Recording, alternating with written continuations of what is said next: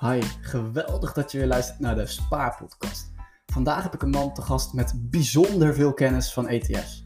Het is namelijk Martijn Reuzemuller, de oprichter van Think ETF's. Een van de eerste Nederlandse ETF's. Tegenwoordig gaan ze ook door onder de naam Van Eck ETF's, sinds ze zijn overgenomen.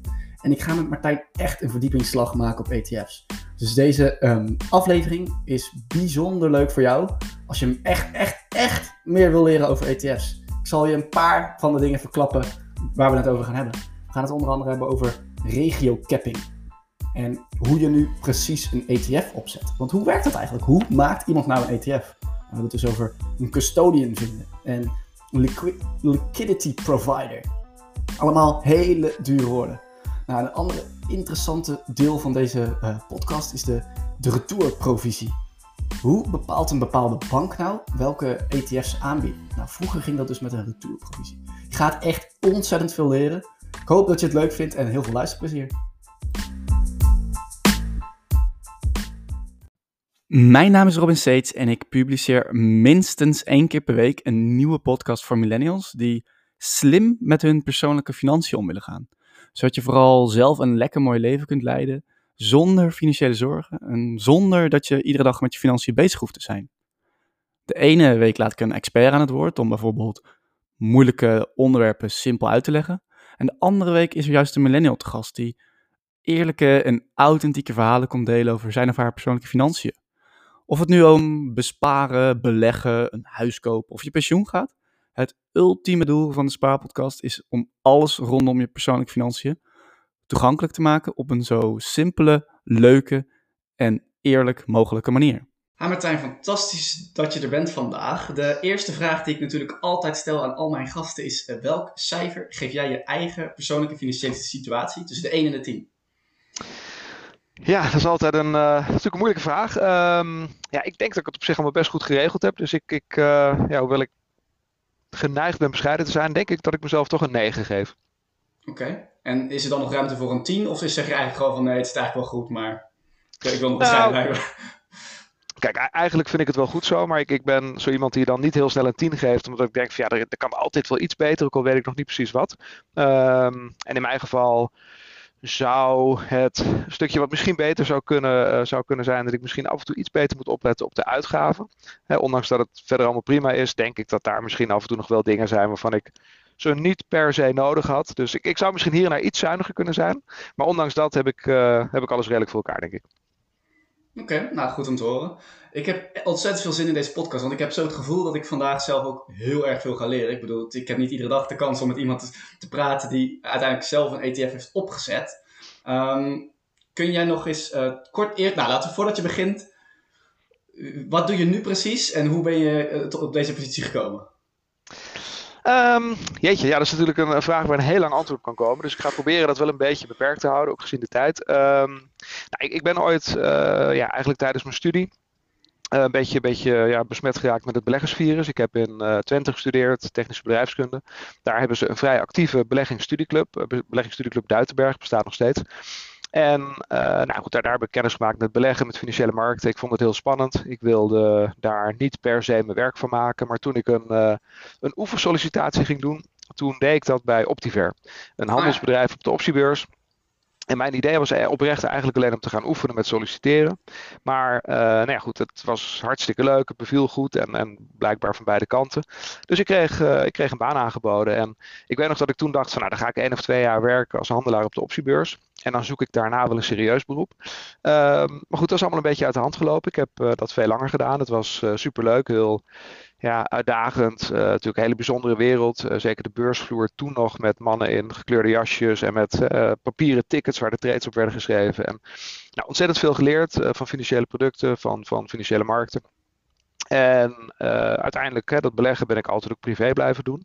Um, tot ik ergens in nou ja, 2002, 2003 uh, wat, wat kritischer ook naar mijn eigen portefeuille ging kijken. En nou ja, steeds meer ETF's ging gebruiken.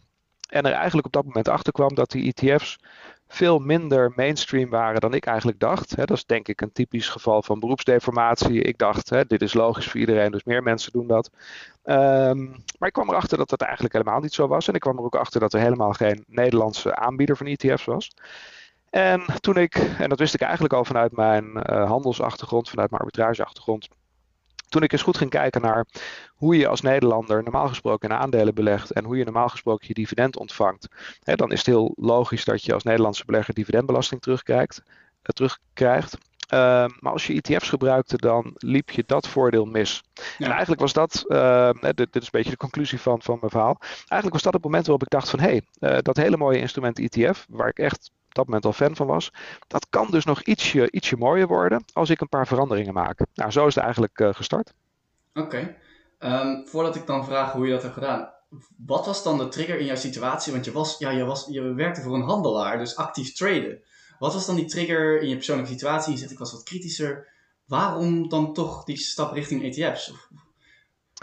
Nou, de, de, de ehm, ja, uh, ik, wilde zeggen het logische antwoord, maar misschien is het helemaal niet zo heel logisch. Um, wat er in mijn persoonlijke situatie gebeurde was het volgende. Ik had uh, in 2003 uh, was ik net voor de vierde keer vader geworden. En uh, ons gezin had dus al, al vier kinderen. En mijn vrouw die uh, was van plan om te gaan studeren. He, zoals, uh, we hebben vrij jong kinderen gekregen en ze had op dat moment uh, ja, haar studie nog niet kunnen doen. Um, en ik had al besloten om een sabbatical te gaan nemen. Okay. En uh, nou, dat is eigenlijk een beetje natuurlijk zo'n moment waarop je gaat reflecteren en gaat kijken van goh, hoe ga ik straks weer verder? Wat, wat, wat, wat wil ik straks doen? En uh, nou ja, in, in die periode ben ik dus uh, ja, eigenlijk op het idee gekomen van hé, hey, ik, ik wil in ieder geval, in, in, de handel is inderdaad, zoals je eigenlijk terecht impliceerde, echt wel iets anders dan beleggen. maar het voordeel voor een handelaar is wel dat hij natuurlijk wat meer kennis heeft en wat meer details kent van producten die gebruikt worden. Dus ik denk dat ik op een andere manier naar de beleggingsproducten in mijn portefeuille keek dan andere beleggers misschien doen. En misschien voor de goede orde om, om te noemen, mijn, uh, mijn beleggingen deed ik op dat moment niet per se zelf. Hè. Er werd uh, toen ook al vanwege compliance regels wel aangemoedigd om dat dan vooral uit handen te geven. Dus ik, ik had zeg maar bij twee, drie uh, banken een, een ja, beheerder die dan mijn portefeuille deed.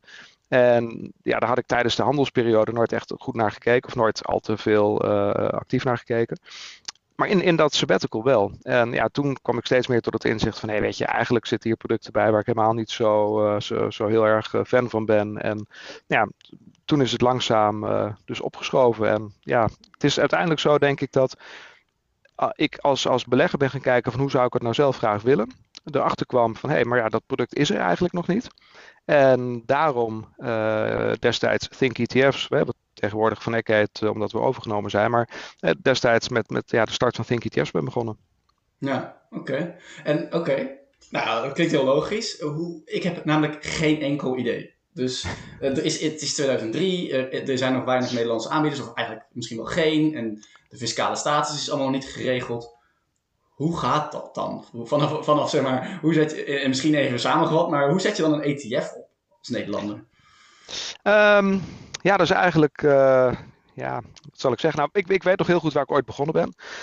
ik had natuurlijk vanuit mijn uh, handelsachtergrond uh, contacten bij Euronext, hè, de, de Nederlandse beurs. Ja. Dus ik denk van, nou ja, als, ik, als ik ergens moet beginnen, dan, ja, dan moet ik daar maar eens aankloppen om te vragen hoe zij omgaan met het toelaten van, van producten tot uh, tot de beurs. Hè? Want ja, um, uiteindelijk als je een ETF maakt, hè, Exchange Traded Fund, eigenlijk de E staat al voor de beurs. Hè, dus dat, dat, is eigenlijk een goede start. Dus, uh, dus ik ben gaan praten met iemand die uh, over markttoegang ging bij Euronext. En uh, kwam er toen al vrij snel achter dat er eigenlijk alleen maar buitenlandse aanbieders waren. Er, er, was geen Nederlandse ETF-aanbieder, dat wist ik natuurlijk eigenlijk zelf ook wel, maar dat, dat, dat werd daar nog eens bevestigd. Um, dus ik, kreeg daar eigenlijk een stukje huiswerk mee en een beetje inzicht in van ja, hoe heet dat dan? Hè? Wat, wat moet je dan opzeggen, opzetten? Welke vergunningen heb je nodig? Um, dus het volgende loket was, uh, was eigenlijk de AFM.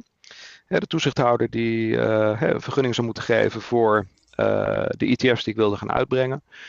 Het bleek al snel dat je hè, om dit te doen een beleggingsinstelling moest worden. Dus ik moest een vergunning aanvragen om een beleggingsinstelling te mogen runnen.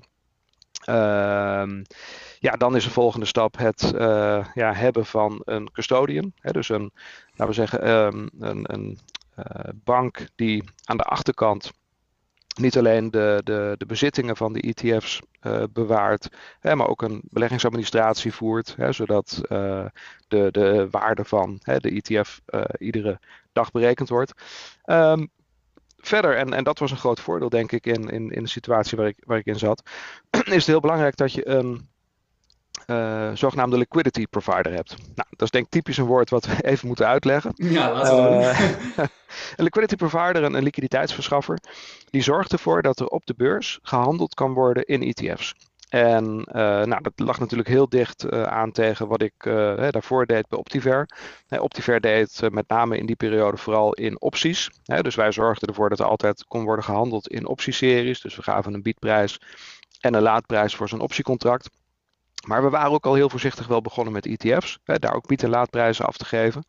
En een van mijn oud-Optiver collega's, die had inmiddels uh, laten we zeggen, een nieuw bedrijf opgestart. En dat heette Flow Traders. Nou, destijds uh, nog niet zo bekend, maar tegenwoordig kennen de meeste mensen Flow Traders wel als, als een van de, de belangrijkste liquidity providers in het ETF-landschap.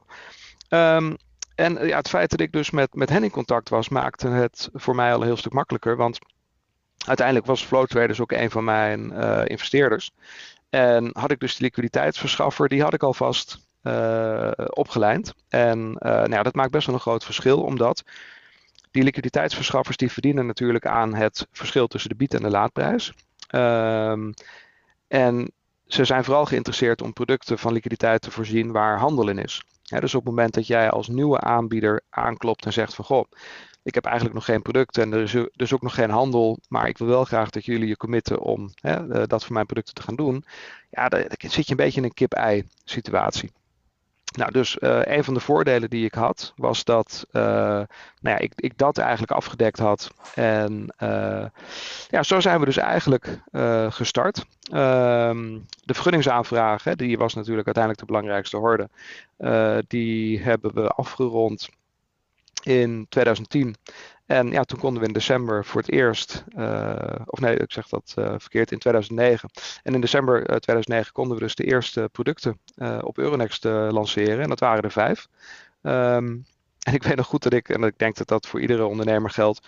Je bent natuurlijk super enthousiast. Je denkt zelf van, nou, dit is waar de hele markt op zit te wachten. Dus hè, zodra we live gaan, dan gaat dat gelijk als een tierenlier. Nou, dat viel natuurlijk tegen. En de reden daarvoor was, was achteraf in alle eerlijkheid ook wel een klein beetje een, een soort van, uh, nou ja, ook dit was misschien weer beroepsdeformatie, maar ook een beetje een, een, een uh, nou ja, gebrek aan ons businessplan was dat we eigenlijk helemaal niet zo goed wisten hoe producten hè, via banken bij klanten terechtkomen. Hè, en waar we al vrij snel achter kwamen was dat er in die tijd nog heel gebruikelijk werd betaald voor distributie. Hè, dus een beleggingsfonds wat veel duurder was, hè, waar wij dan mee konden concurreren omdat we veel goedkoper waren. Maar zo'n beleggingsfonds betaalde een deel van uh, de management fee aan de bank om toegang te krijgen tot de klanten van die bank, hè, een soort distributievergoeding. Ja, en wij kwamen er al vrij snel achter dat die banken dus tegen ons zeiden van joh, het allemaal, klinkt allemaal heel leuk, maar als jullie zo weinig uh, management fee vragen, beheervergoeding vragen, dan uh, ja, hoe, hoe gaan jullie ons dan betalen? Mm. Nou. Oké, okay, laat, hem, laat hem simpel maken. Dus uh, om een ETF op te zetten, je begint bij de beurs, bij de Euronext, dan moet je sowieso toestemming hebben. Je gaat naar de AFM en je krijgt een vergunning. Vervolgens heb je iemand nodig die eigenlijk de liquiditeit garandeert. Dat was Flow Traders ja. in jullie geval. En zijn ze dat dan nog steeds? Uh, ja, dat zijn ze nog steeds, maar gelukkig hebben we er inmiddels uh, aardig wat meer. Hè, dus uh, ook Optiver bijvoorbeeld in een aantal okay. van onze producten. En, en met name een aantal buitenlandse providers. Societe Generale is, is een grote, Jane Street, Susquehanna. Hè, dus inmiddels hebben we gelukkig een, een ruime hoeveelheid aan, aan liquidity providers op de beurs. En wat je dan hebt opgezet is een, is een ETF. Dus, ja, dus mensen konden op dat moment via banken jullie ETF kopen. Dus mensen kochten op dat moment niet direct bij jullie in. Klopt, klopt. Dus de, dat was ook iets waar we in het begin wel een beetje, denk ik, te makkelijk over gedacht hebben. Mijn idee was altijd, als je een bank bent of, of je bent een online broker, zoals Bink of de Giro of Links, dan is jouw core business is mensen toegang verschaffen tot de producten die op Euronext verhandeld worden. En je wil dan als, als bank of broker natuurlijk zo klantvriendelijk mogelijk zijn. En alles wat op Euronext te verhandelen is, wil je aanbieden, want dat is je businessmodel. Nou, dat bleek ook nog wel een misvatting, want lang niet iedereen ging gelijk uh, ertoe over om onze producten op het schap te zetten. Bij sommige banken tot op de dag van vandaag hè, is nog niet alles verkrijgbaar, omdat, ja, omdat ze daar terughoudend in zijn. En ehm, aan de ene kant begrijp ik die terughoudendheid heel goed. Hè. Je moet natuurlijk als bank inderdaad waken voor het uh, opvoeren van producten waar je misschien niet helemaal zeker van bent of ze voor jouw klant wel nou ja, goed genoeg zijn. Aan de andere kant ja, heb ik het idee dat er ook wel eens andere belangen meespelen. En, geld, geld bedoel je? Ja, precies. En, en gelukkig is overigens, hè, waar, waar ik het net over had, zo'n retourprovisie, dat is inmiddels verboden. Ja, dus de AFM, eh, ja, gelukkig wel inderdaad. Uh, En dat heeft er ook toe geleid dat niet alleen meer ETF's verkrijgbaar zijn, waaronder die van ons. Het heeft er ook toe geleid dat de actieve beheer, actief beheerde fondsen die uh, relatief duur, nog, nog steeds wel relatief duur zijn, maar in ieder geval goedkoper geworden zijn de afgelopen jaren. Um, dus ik denk dat dat voor de belegger sowieso een goede ontwikkeling is geweest. De, de, de kosten van beleggen zijn goedkoper geworden omdat de producten goedkoper zijn geworden. En gelukkig ook de transacties. Je ziet ook dat daar door banken en brokers veel vooruitgang geboekt is. 10, 15 jaar geleden was het echt veel duurder om, om te beleggen dan tegenwoordig. Ja, nou daar heb je wel goed, sowieso snij je daar een goed punt aan. Dus vroeger, ik weet niet tot wanneer dat dan was, maar was er een retourprovisie. Dus de banken die dan bepaalde ETF of beleggingsfonds promoten, die kregen eigenlijk meer geld naarmate ze een duurder fonds promoten. Ja, dat is natuurlijk een bizarre situatie. En ik, ik, ik, kan me bijna niet voorstellen dat dat nog niet eens zo heel lang geleden is eigenlijk. Dus ja, het is heel, heel idioot. ja, ja oké. Ehm, nou, en tegelijkertijd een ander punt dat het ook gewoon goedkoper is geworden, is inderdaad dat de dingen efficiënt zijn geworden, dus transactiekosten lager. Um, Eén punt die, die, die voor mij nog, of ik nou goed begrijp, en misschien moeten we hem nog wat verder toelichten, dat custodian. Dus je zegt we moesten een custodian opzetten. Hoe, hoe zit dat precies? Kun je daar nog iets verder op ingaan? Nou, wat, wat misschien wel goed is om inderdaad uh, te doen, is in, in, iets meer detail te kijken hoe nou het bezit van zo'n ETF aan de achterkant uh, ja, beheerd wordt, hoe, hoe, hoe, dat precies veilig gemaakt wordt. Ja, dus een ETF is eigenlijk in de basis uh, niet veel anders dan een beleggingsfonds. En in beide gevallen is er een beheerder, de fondsbeheerder of de ETF-beheerder, die koopt ehm, nou, laten we bijvoorbeeld nemen hè, de AX-ETF. Om de AX goed te volgen, hè, moet je eigenlijk gewoon alle 25 aandelen die in de AX zitten in bezit hebben, in de juiste verhouding. En als je dat namelijk hebt, hè, dan beweegt de waarde van jouw ETF zich precies zoals de AX beweegt. Nou, die 25 aandelen, die moeten natuurlijk ergens geadministreerd worden. Uh, hè, dus de, de ETF heeft eigenlijk, net als een belegger dat uh, kan hebben, een effectrekening.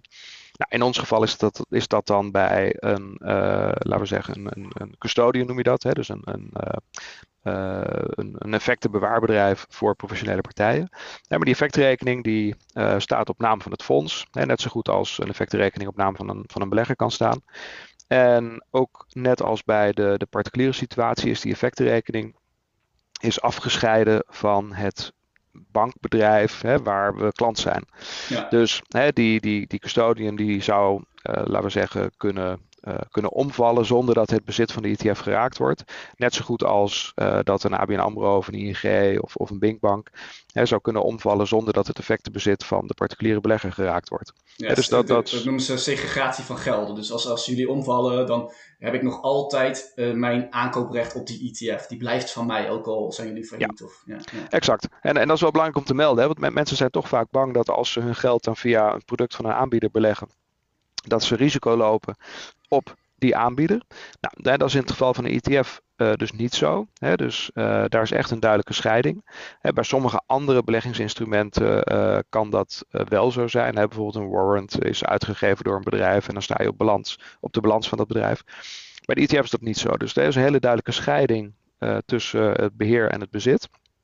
Dus wij beheren wel de ETF, hè, maar het is niet van ons, het is echt van, van de belegger. Ja. Um, Goed, dus die, die aandelen die staan op die effectrekening. En uh, wat die partij ook doet, hè, is een beleggingsadministratie voeren. Dus iedere dag wordt op, uh, laten we zeggen, als de beurs sluit, wordt op basis van de slotkoersen, wordt eigenlijk s'avonds of s'nachts berekend wat de intrinsieke waarde van de ETF is. Nou, dat wordt iedere ochtend dan weer gedeeld met nou, eigenlijk de hele wereld. Hè. Dus onder andere die liquidity providers die krijgen dat uh, te zien, zodat zij precies weten wat de waarde van de ETF is en precies weten wat erin zit. Uh, ook klanten kunnen dat inzien. En zo is die ETF dus een heel transparant instrument, waarbij je precies kan zien welke aandelen erin zitten uh, en wat de waarde daarvan is. zodat er geen onduidelijkheid is over waar je nou precies in belegt of wat nou de waarde is. Oké, nou, dus dat, dat, zijn dat dan de vier belangrijkste dingen en dan heb je eigenlijk een ETF? Ehm, ja, dat zijn eigenlijk wel de vier belangrijkste dingen. Eén ding wat we nog niet besproken hebben wellicht is, uh, we, zijn net als voorbeeld even uitgegaan van de AX. Ehm, dat is bij een ETF dus wel belangrijk, hè, dat er altijd een ja, bepaalde index eigenlijk achter zit die je volgt. Hè. Vandaar dat ETF's ook in het hoekje passief uh, beleggen vallen, oftewel ik zeg ook wel eens, je zou in plaats van passief kunnen zeggen rules-based beleggen, want hè, bij een actief fonds, hè, er worden hele actieve keuzes gemaakt. Hè, waar ga je in beleggen en wanneer doe je dat? En hè, dat, daar zit een stuk subjectiviteit in, misschien ook wel een stuk emotie. Bij ETF's is het rules-based. En, en, dat wordt dan weliswaar vaak, weliswaar vaak passief of, of index-based benoemd. Maar ik, ik, denk dat het het belangrijkste is om vast te stellen dat het niet subjectief is, maar objectief. Dat het niet uh, discretionair is, maar rules-based. En of die regels nou bestaan uit de regelset van een index, zoals de AX, of een aantal andere regels. Waar het om gaat is dat het niet afhankelijk is van de persoon die het beheer doet, hè, maar dat die persoon gewoon die regels moet volgen. En als, of het nou Jan is of Piet, als ze allebei gewoon die regels volgen, dan is het resultaat hetzelfde. Er zit geen subjectiviteit in, er zit geen emotie in. Ja, dus je bent niet afhankelijk van de fondsmanager bij actieve fondsen in dat opzicht die wel of niet een slechte dag kan hebben, of net ruzie had met zijn vrouw en dat soort dingen. Exact, exact. Want uiteindelijk, hoe je het ook went of keert, ook die professionals, hè, die blijken keer op keer toch gewoon mensen te zijn die gevoelig zijn voor allerlei emoties. En ja, of dat nou de emotie is die ze vanuit de markt een bepaalde kant op sleept, of een emotie die vanuit hun privéleven invloed heeft, die, die emoties die, die wil je liever uitsluiten als het om geld gaat. Ja, Oké, dus eigenlijk hebben we vijf, nou, vijf punten genoemd om, om tot een ETF te komen. En, en de laatste was dan in dit opzicht van je volgt rule-based beleggingen. Dus ja. jij zegt eigenlijk van uh, je stelt een aantal regels op. Dus dat kan uh, nou ja, misschien een voorbeeld van, van jullie zelf. Uh, ik, jullie hebben bijvoorbeeld een, een game ETF. Ja. Hoe werkt dat dan? Hoe werken die rule-based dingen bij zo'n game ETF? Nou, wat je dan daar ziet, en dit geldt eigenlijk voor, voor alle ETF's, maar het begint met een universum. En het universum uh, is, uh, laten we zeggen, alle aandelen waar we uit zouden kunnen kiezen. En uh, om dan zeg maar tot een eindproduct te komen, hè, moet je een aantal criteria opstellen. En die criteria die kunnen bijvoorbeeld zijn dat een bedrijf moet actief zijn in bijvoorbeeld de videogaming-industrie of de e-sport-industrie. En uh, nou, dan valt er al een deel van het universum af. En dan ga je nog een stap verder en dan zeg je bijvoorbeeld van nou, de, uh, je moet erin actief zijn, maar je moet bijvoorbeeld in ons geval meer dan 50% van je omzet ook uit die sector halen.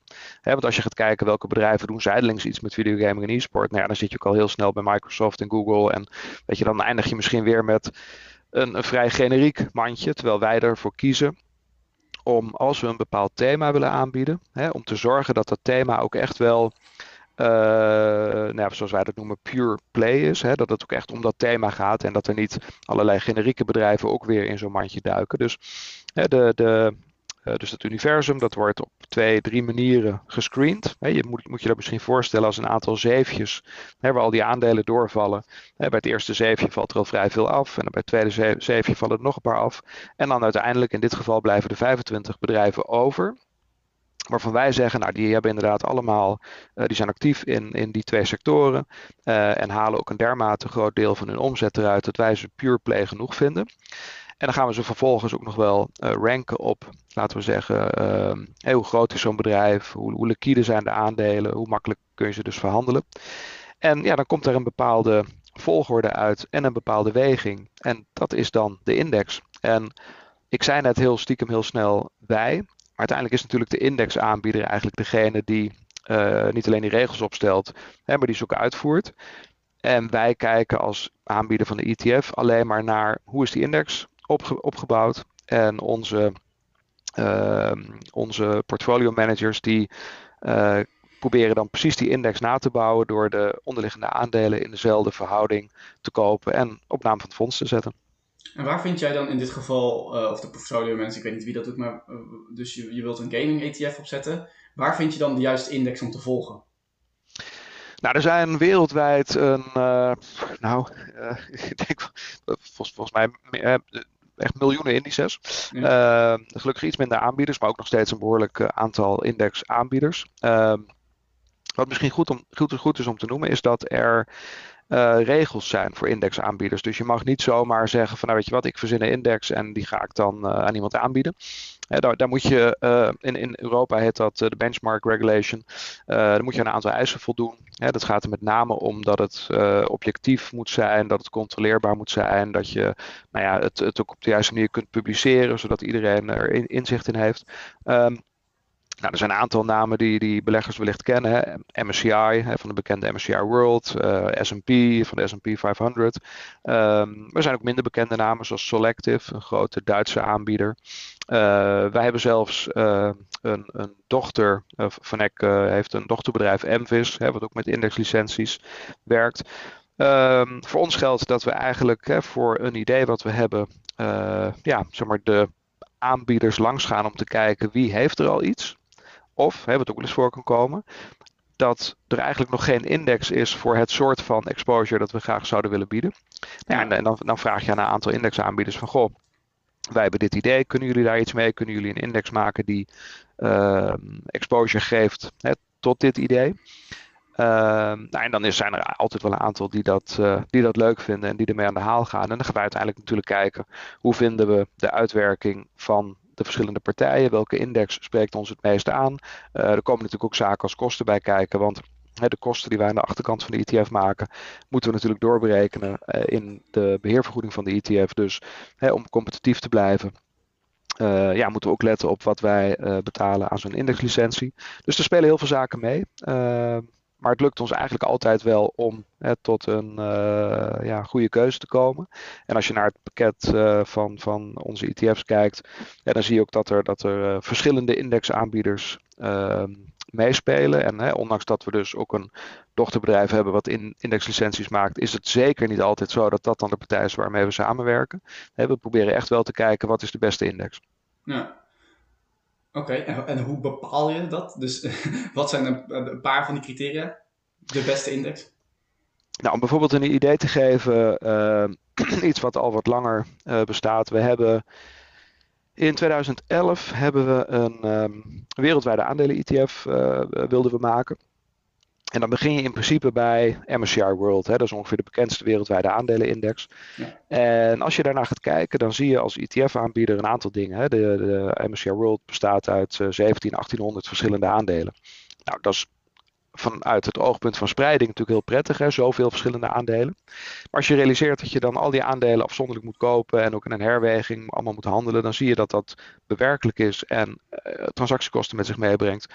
En dan kun je gaan nadenken over hoeveel spreiding heb je nou echt nodig om je risico te verlagen en, en hoeveel is misschien wel te veel.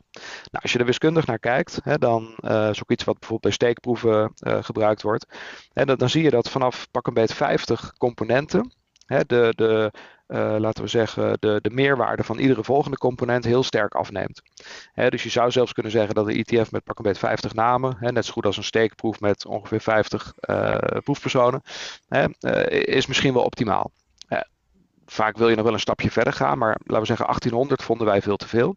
dus we hebben uiteindelijk een index gekozen met 250 namen. Nou, dus dat, kan een manier zijn waarop je de balans probeert dus te vinden tussen spreiding uh, vanuit risicomitigatie en niet te veel spreiding, omdat dat weer de kosten verhoogt. Een andere manier om er naar te kijken is, als je zegt ik maak een wereldwijde aandelen-ETF, dan pretendeer je dus wereldwijde spreiding te bieden. Um, als je dan ziet dat een bepaalde index, bijvoorbeeld weer die MSCI, uh, historisch voor, voor pak een beetje 65% in Amerikaanse aandelen zit, dan kan je je afvragen, is dat wel een echte wereldwijde spreiding? Of ben je dan vooral een Amerikaanse aandelen-ETF met een stukje Europa en een stukje Azië? dus ook daar hebben we toen gekeken en, bedacht van, ja, weet je, wij hebben liever een index die de regio's capt op 40%, hè, zodat je toch iets meer nou ja, een soort van evenwichtige verdeling hebt over de verschillende regio's in de wereld. Nou, en zo zijn er nog een paar dingen. Eentje die ik er nog wel uit wil halen is ook een beetje een eigenwijze keuze die we toen gemaakt hebben. En je kan ook kijken naar hoe wordt in een index de weging van een aandeel bepaald. In de meeste indices was dat uh, een marktgewogen benadering. Met andere woorden, hoe groter een bedrijf, hè, hoe zwaarder het in die index komt. Nou, ik heb het altijd een beetje merkwaardig gevonden, omdat uh, heel veel onderzoek laat zien dat als je heel actief probeert hè, de beste aandelen te kiezen, uh, hè, dus wat actief beheer eigenlijk doet, dan blijkt het keer op keer heel moeilijk, zo niet onmogelijk, om het beter te doen dan de brede markt. Hè, beter te doen dan, dan indices. Um, dan is het best wel een beetje tegen natuurlijk dat de meeste indices toch impliciet een keuze maken om meer geld te beleggen in grotere bedrijven dan in kleinere bedrijven. dus een van de afwijkende keuzes die wij destijds gemaakt hebben is om te kiezen voor equal weight, een gelijk gewogen benadering, waarbij je dus eigenlijk niet meer die keuze maakt en zegt van nou weet je, ik wil inderdaad in de 250 grootste bedrijven ter wereld beleggen, want ik wil goed gespreid zijn. Maar ik heb geen mening over of dit bedrijf het beter gaat doen dan dat bedrijf. Dus ik ga niet in de ene iets meer beleggen omdat die nou toevallig iets groter is. Ik ga ze equal weight benaderen. Dus ik beleg in al die 250 evenveel. En dan pas volgend jaar, als er een herweging komt, ga ik weer kijken. En dan zul je zien dat sommige bedrijven zijn wat opgelopen ten opzichte van andere. Dus daar moet je dan een stukje afbouwen, oftewel een stukje winst nemen in iets wat gestegen is. En dat geld stop je dan in het aankopen van een aantal van die bedrijven die iets gedaald zijn. Dus een hele logische benadering wat ons betreft. Oké, nou, een kort, uh, kort stukje context. Nu, uh, nu is, laatst is bijvoorbeeld Hendrik Meesman in de podcast geweest en die zegt eigenlijk uh, een, een, sector kiezen of een, kleinere een deel van de bedrijven is ook een keuze maken. Dus is daarmee niet echt passief. En hij zegt dan bijvoorbeeld, onderzoek laat zien dat, ehm, dat de dat het ook meer oplevert als je geen keuzes maakt. En dus hoe kan ik nou zelf, ik begrijp het gewoon oprecht ook niet. Uh, hoe weet ik nou of het beter is om marktgewogen te doen of equal weight? Is, zijn er uh, onderzoeken of resultaten of is het gewoon simpel een andere visie? Nou, er zijn zeker onderzoeken. Uh, de onderzoeken die wij destijds bekeken hebben, die gaven eigenlijk allemaal aan dat ehm, de belangrijkste keuze die je moet maken is: hè, ga je actief of passief? Hè, dus ga je subjectief of rules-based? dat, is, dat is de belangrijkste keuze. Nou, als je dan voor rules-based gaat, dan zijn er natuurlijk een aantal variaties op het thema. En uh, de marktgewogen variant, hè, dus eigenlijk de marktdoorsnee die Hendrik uh, voorstaat, is de meest gebruikte. En um, daar is dus ook onderzoek naar gedaan van wat gebeurt er nou als je dat loslaat dan kan je bijvoorbeeld uh, naar equal gaan, maar je kan ook naar bijvoorbeeld koers-winstverhoudingen kijken. Er zijn allerlei manieren waarop je ook zou kunnen kiezen. En een van de onderzoeken die we toen uh, bekeken werd gedaan door iemand van de London School of Economics. En die uh, kwam eigenlijk tot de conclusie dat van alle keuzes die je zou kunnen maken, uh, was A, het verschil niet super groot overigens. Hè? Dus uh, wat ik al zei, de belangrijkste beslissing is ga je rules-based of niet. Maar als je dan bij die rules-based keuzes gaat kijken, dan bleek eigenlijk dat met name die grote bekende marktgewogen indices het eigenlijk altijd aflegde tegen iedere andere keuze die je maakte. En, uh, en of je nou dus bijvoorbeeld uh, koers-winst nam en dan bijvoorbeeld uh, ging voor degene met de laagste koers-winstverhouding, of voor degene met de hoogste koerswinstverhouding. Nou, als je langere periodes ging bekijken, maakte het eigenlijk niet zo heel veel uit welke van de twee. Maar in beide gevallen deed het eigenlijk beter dan de uh, marktgewogen keuze. Nou, de verklaring die deze professor daarvoor gaf, was dat als iedereen, en dat was zeker in die tijd zo, tegenwoordig krijg je wel iets meer variatie, maar als iedereen zeg maar zo'n grote index volgt en dus allemaal op hetzelfde moment ook die herweging moet uitvoeren, iedereen moet door hetzelfde deurtje naar binnen en naar buiten, dan zijn er natuurlijk marktpartijen die daarop inspelen. Bepaalde handelspartijen die als het ware al weten van, hé hey, weet je, volgende maand wordt er weer herwogen, dus dan moet waarschijnlijk dit aandeel veel gekocht en, en dat veel verkocht.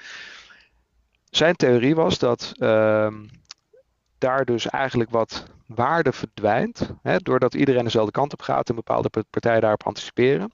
En dat om die reden het dus een voordeel is om een andere keuze te maken, mits je maar rules-based blijft.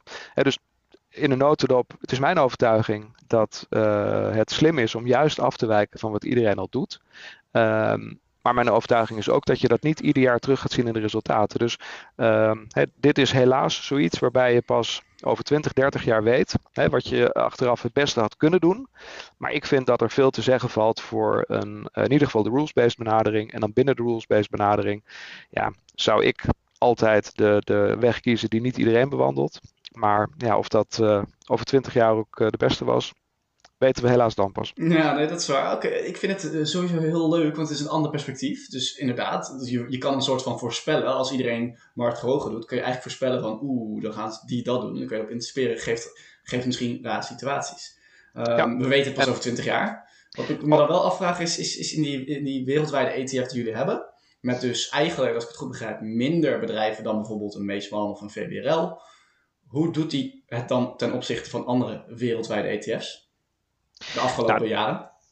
Ja, nou dan, dan, moet je om te beginnen wel de, ook die geografische effecten meenemen. Want de uh, keuze waar we het net over hadden, ga je equal weight of ga je market cap weight, is één keuze.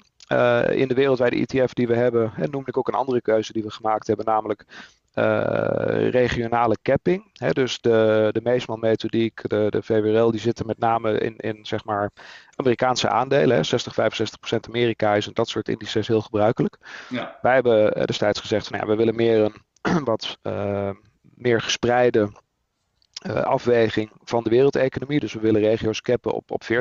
Of hè, we hebben een index gekozen die dat doet. Uh, waardoor wij dus de afgelopen 10, 12 jaar wat minder in Amerika gezeten hebben. Nou, dan zie je toch dat met name uh, een groot deel van die 10 jaar dat Amerika het relatief goed gedaan heeft. Hè, dus als je wat minder in Amerika belegd was, dan doe je het ietsje minder. Uh, iets wat overigens dit jaar, als je nu de afgelopen drie maanden bekijkt bijvoorbeeld, Amerika het juist weer wat minder gedaan. Dus dan heb je juist weer een voordeel daarvan.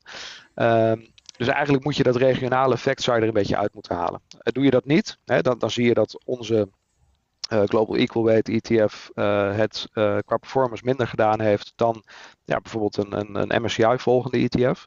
Maar dat is met name, of eigenlijk alleen dat Amerikaanse effect wat je daarin terugziet. Dus dat is puur de keuze, hoe zwaar wil ik in Amerika belegd zijn. Ja, oké, ja, helder. En uh, dat is natuurlijk nu makkelijk praten over de afgelopen paar jaar, maar als op een gegeven moment uh, Amerika nu een paar jaar heel slecht gaat, dan staan jullie misschien in één keer er helemaal boven, uh, omdat de rest dan heel zwaar op Amerika leunde. Exact. En ik, ik zeg ook altijd tegen beleggers dat je natuurlijk zelf ook goed moet nadenken over die regionale allocatie. als jij denkt dat Amerika het nog, nog tien jaar heel goed blijft doen, ja, dan, dan wil je misschien wel vooral een Amerikaanse aandelen. Misschien moet je dan zelfs wel een SP 500 ETF kopen in plaats van een wereldwijd gespreide. Maar als je denkt dat je wereldwijd wil beleggen, omdat je niet te afhankelijk wil zijn van één van de drie grote regio's, ja, dan is er eigenlijk veel meer voor te zeggen om onze benadering te kiezen. En dus niet een benadering die je voor 65% in Amerika stopt. En ik denk dat lang niet iedereen zich hier heel erg van bewust is. Maar ik denk wel dat het goed is om te begrijpen waar je precies in belegd bent en, en waar je dus van afhankelijk bent. En als je dan comfortabel bent met 65% Amerika, prima, dan is MSCI een goede keuze. Maar denk je van, goh, misschien gaat Amerika de komende 10 jaar wel iets minder presteren, dan wil je daar misschien iets minder uh, afhankelijk van zijn. Oké, helder. Nou ja, ik, ik, ik, ik, hoop dat de mensen, de luisteraar hier wat aan heeft. En, en inderdaad dat ze het fijn vinden dat er een ander perspectief wordt gegeven ook. Want het is niet altijd zo, zo wat ik zeg of wat Meesman zegt. Dat uiteindelijk, ja, ik, ik, ik snap het verschil ook niet. Ik kan het ook niet bewijzen. Dus ik vind het heel mooi dat je dat perspectief wil geven. Ik heb nog één andere, nee, niet stelling voor je, maar ik ben wel benieuwd naar je reactie. Want in, ook in een, eerdere podcast is een keer gezegd van uh, beleggingsfondsen die worden actief gemanaged en daar moet dus veel mee gebeuren, dus dat rechtvaardigt de kosten. Uh, bij een ETF hoeft er niet zoveel te gebeuren, dus de kosten zijn laag. Uh, maar nu hoorde ik je net ook al zeggen, ja, maar onze fondsmanagers zitten, moeten wel die index nabootsen. Dus ik ben eigenlijk benieuwd naar twee dingen. Eén, wat is je reactie op, oké, er hoeft niet zoveel te gebeuren bij een ETF? En twee, hoe werkt dat dan uh, bij dat kopen van zo'n ETF? Want wat als een van jouw fondsmanagers even niet zit op te letten? Zo? Ik, ik, ik weet het niet, hè? hoe gaat dit? Ja. Um, nou, laten we dan met de laatste beginnen, dat is misschien het makkelijkste. Um, het klinkt heel soort van counterintuïtief, maar op het moment dat jij een van onze ETF's zou kopen, hè, dan uh, mensen vragen wel eens van, goh, wanneer wordt mijn geld dan belegd? Hè? Gebeurt dat gelijk al op het moment dat ik hem koop? Het antwoord is: het geld was al belegd voordat jij hem kocht. Want die liquidity providers waar we het in het begin over hadden, hè, die, die handelshuizen, die hebben een handelsvoorraad hè, om te kunnen handelen in onze ETF. En die handelsvoorraad, hè, die, uh, nou ja, die halen ze periodiek bij ons. En dat is dan de, de voorraad waarmee ze zeg maar, nou ja, hun winkeltje vullen en, en uh, kunnen, kunnen onze ETF's kunnen verkopen. Um, dus op het moment dat jij een ETF koopt op de beurs, hè, dan was die eigenlijk al gecreëerd en was het geld al belegd. Hij verandert op dat moment alleen van eigenaar. Dat kan zijn dat ofwel de liquidity provider hem aan jou verkoopt, of een andere belegger die, uh, die hem aan jou verkoopt. Dus uh, de fondsmanager hoeft eigenlijk alleen maar te handelen op het moment dat de liquidity provider nieuwe voorraad komt halen. Hè, dus die, uh, dat noemen we het uh, creation proces. Dus er worden nieuwe ETF's gecreëerd. En op dat moment uh, wordt dus ook het geld belegd in de aandelen uh, waarin belegd moet worden. Um, dus ja, dat, dat, dat, gaat eigenlijk vrij makkelijk. En vervolgens hoeft die fondsmanager eigenlijk, uh, nou ja, hè, we hopen natuurlijk dat hij iedere dag moet creëren, bij wijze van spreken. Dat, dat gebeurt ook eigenlijk wel bijna. Uh, maar verder hoeft hij alleen maar op de herwerkingsmomenten van de index in te grijpen. He, want op het moment dat de AIX, uh, die onlangs herwogen is, he, heeft vastgesteld van, he, laten we eventjes een voorbeeld nemen, ASML zit voor 15% in de AIX. Ja. Nou, dan zorgen wij dus dat we precies die verhouding hebben in ons mandje. En als die AIX de volgende dag verandert, hè, dan is dat omdat de koers van ASML veranderd is. Dat is niet omdat wij een ander aantal aandelen moeten kopen of verkopen. Dus mensen denken wel eens dat je de hele dag, of in ieder geval om de dag, zit bij te sturen om, om die index te volgen. Ja, dat is helemaal niet waar. De reden dat de ETF de index goed volgt, hè, is dat we gewoon precies dezelfde verhouding aan aandelen hebben. En omdat die aandelen van koers veranderen, verandert de index. Maar ja, dan verandert dus de ETF automatisch mee. Dus er, er zit zeker minder werk in hè, dan in dat hele actieve handelen, waarbij je iedere dag bij wijze van spreken bepaalt, wil ik meer of minder in ASML belegd zijn of meer of minder in koninklijke olie. Um, dus wat dat betreft is het inderdaad minder werk. Maar mijn collega's op portfolio management die vinden het niet leuk om te horen dat het uh, helemaal geen moeite zou kosten om een ETF uh, te runnen. Want ja, het, is, het, is wel degelijk, uh, het is wel degelijk veel werk. En met name als er dus veel creations en redemptions zijn. Maar het is gelukkig dus niet zo dat als zij tijdens de beursdag even zouden zitten te slapen, hè, dat opeens de index anders beweegt dan de ETF. Dat, dat kan niet.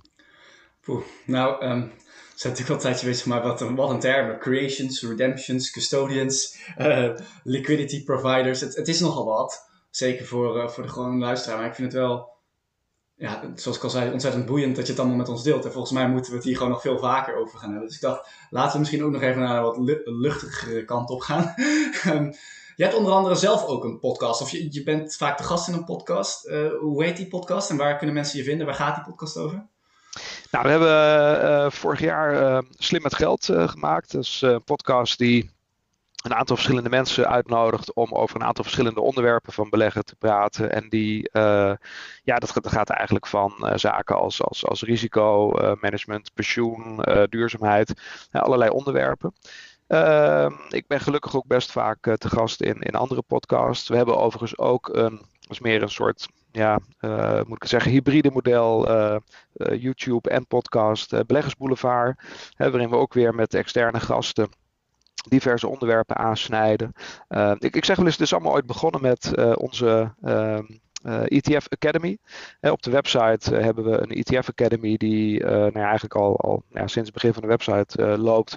waarin we stapsgewijs proberen mensen uit te leggen uh, niet alleen hoe ETF's werken, hè, maar ook hoe je wat ons betreft op een verstandige manier uh, ermee omgaat. Hè, dus hoe je ze in een bepaalde verhouding kan gebruiken om een gebalanceerde portefeuille op te bouwen. Hè, maar ook dat je niet te veel moet handelen, hè, dat je zeg maar moet opletten hoe je een order opgeeft. Allerlei onderwerpen en ja, ik, ik, zal niet allerlei details gaan verzanden nu, want het is inderdaad misschien best leuk om daar uh, nog eens over verder te praten op, op meer detailniveau.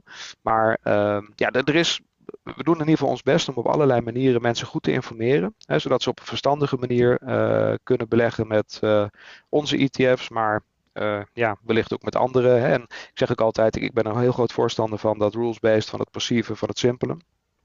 Maar ik snap ook heel goed dat voor sommige mensen beleggen uh, ook een soort hobby is. En, en dat het ook leuk en, en spannend kan zijn om af en toe hè, toch bepaalde, uh, ja, laten we zeggen, wat, wat meer gefocuste uh, beleggingen te doen. En dat is uiteraard prima. Ik zeg altijd wel, probeer het dan een beetje te beperken tot een klein stuk van je portefeuille. Hè, want over het algemeen, die hele spannende beleggingen, ja, daar zit natuurlijk meer risico in.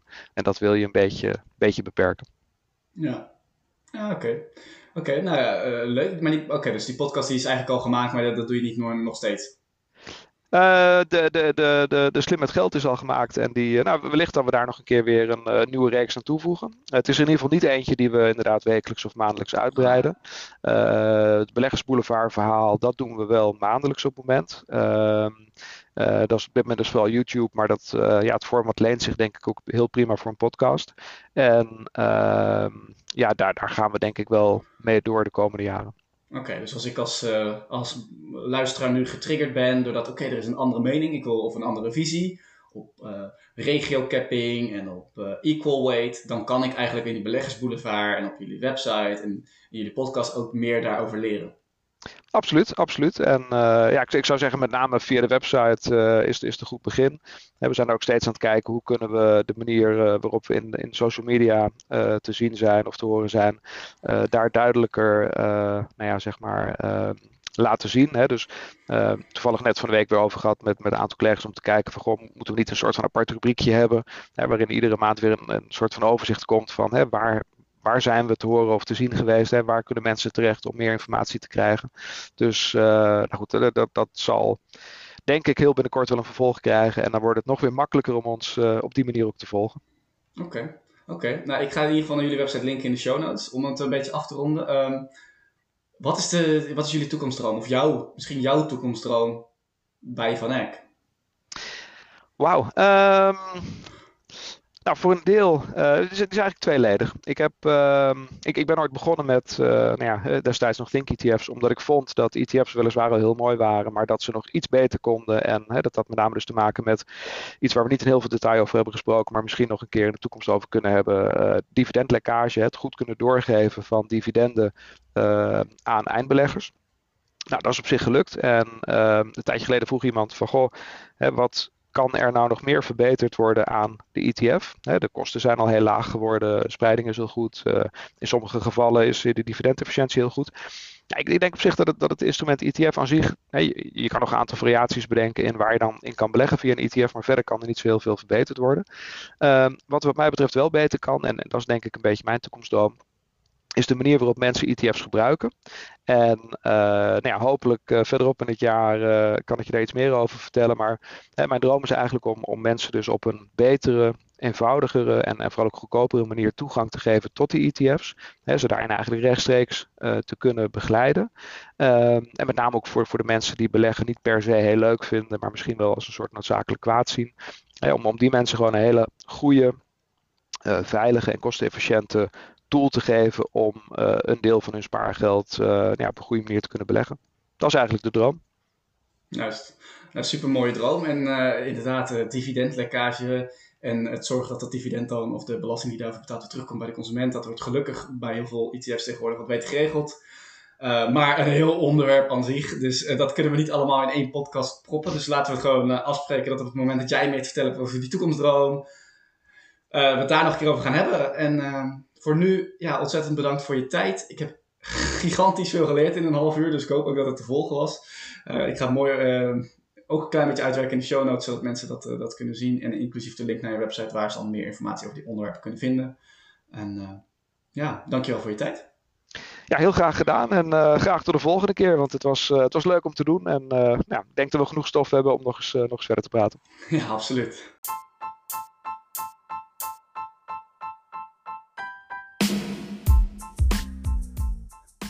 Bedankt voor het luisteren naar de Spa-podcast. Ik hoop dat je opnieuw iets hebt opgestoken en dat je een stap dichterbij bent bij het op orde brengen van jouw persoonlijke financiën op een zo slim mogelijke manier. Mocht je nu meer informatie willen, dan kun je veel onderwerpen ook even nalezen op mijn blog www.despaarpodcast.nl. Je vindt hier ook veel persoonlijke artikelen, bijvoorbeeld over mijn portfolio, doelen en de workations waar ik wel eens op ga. Heb je nog andere vragen? Stuur me dan gerust een bericht op eh, Instagram naar de Spaarpodcast. Dat is spaarpot met een D en kast met een C. En deel jij nu mijn uh, persoonlijke missie om financiën toegankelijk te maken op een zo simpele, leuke en eerlijke manier? Dan zou ik het echt enorm tof vinden als je een review achter wil laten. Op uh, Apple Podcasts kun je dit bijvoorbeeld doen bij de reviews. Selecteer het aantal sterren en laat even weten wat je van de podcast vond. Ik lees die reviews altijd graag. En zit je op Spotify, dan hoef je eigenlijk alleen maar even op volgen te drukken, want daar kun je nog eh, geen reviews achterlaten. Je, je wordt dan wel altijd op de hoogte gehouden van nieuwe afleveringen. En wil je nu zelf een keer graag in de show komen, dan kan dat ook. Contact me dan via Instagram, spaarpodcast, of mail me even naar Robin, at. Dit was hem weer en hopelijk tot de volgende keer.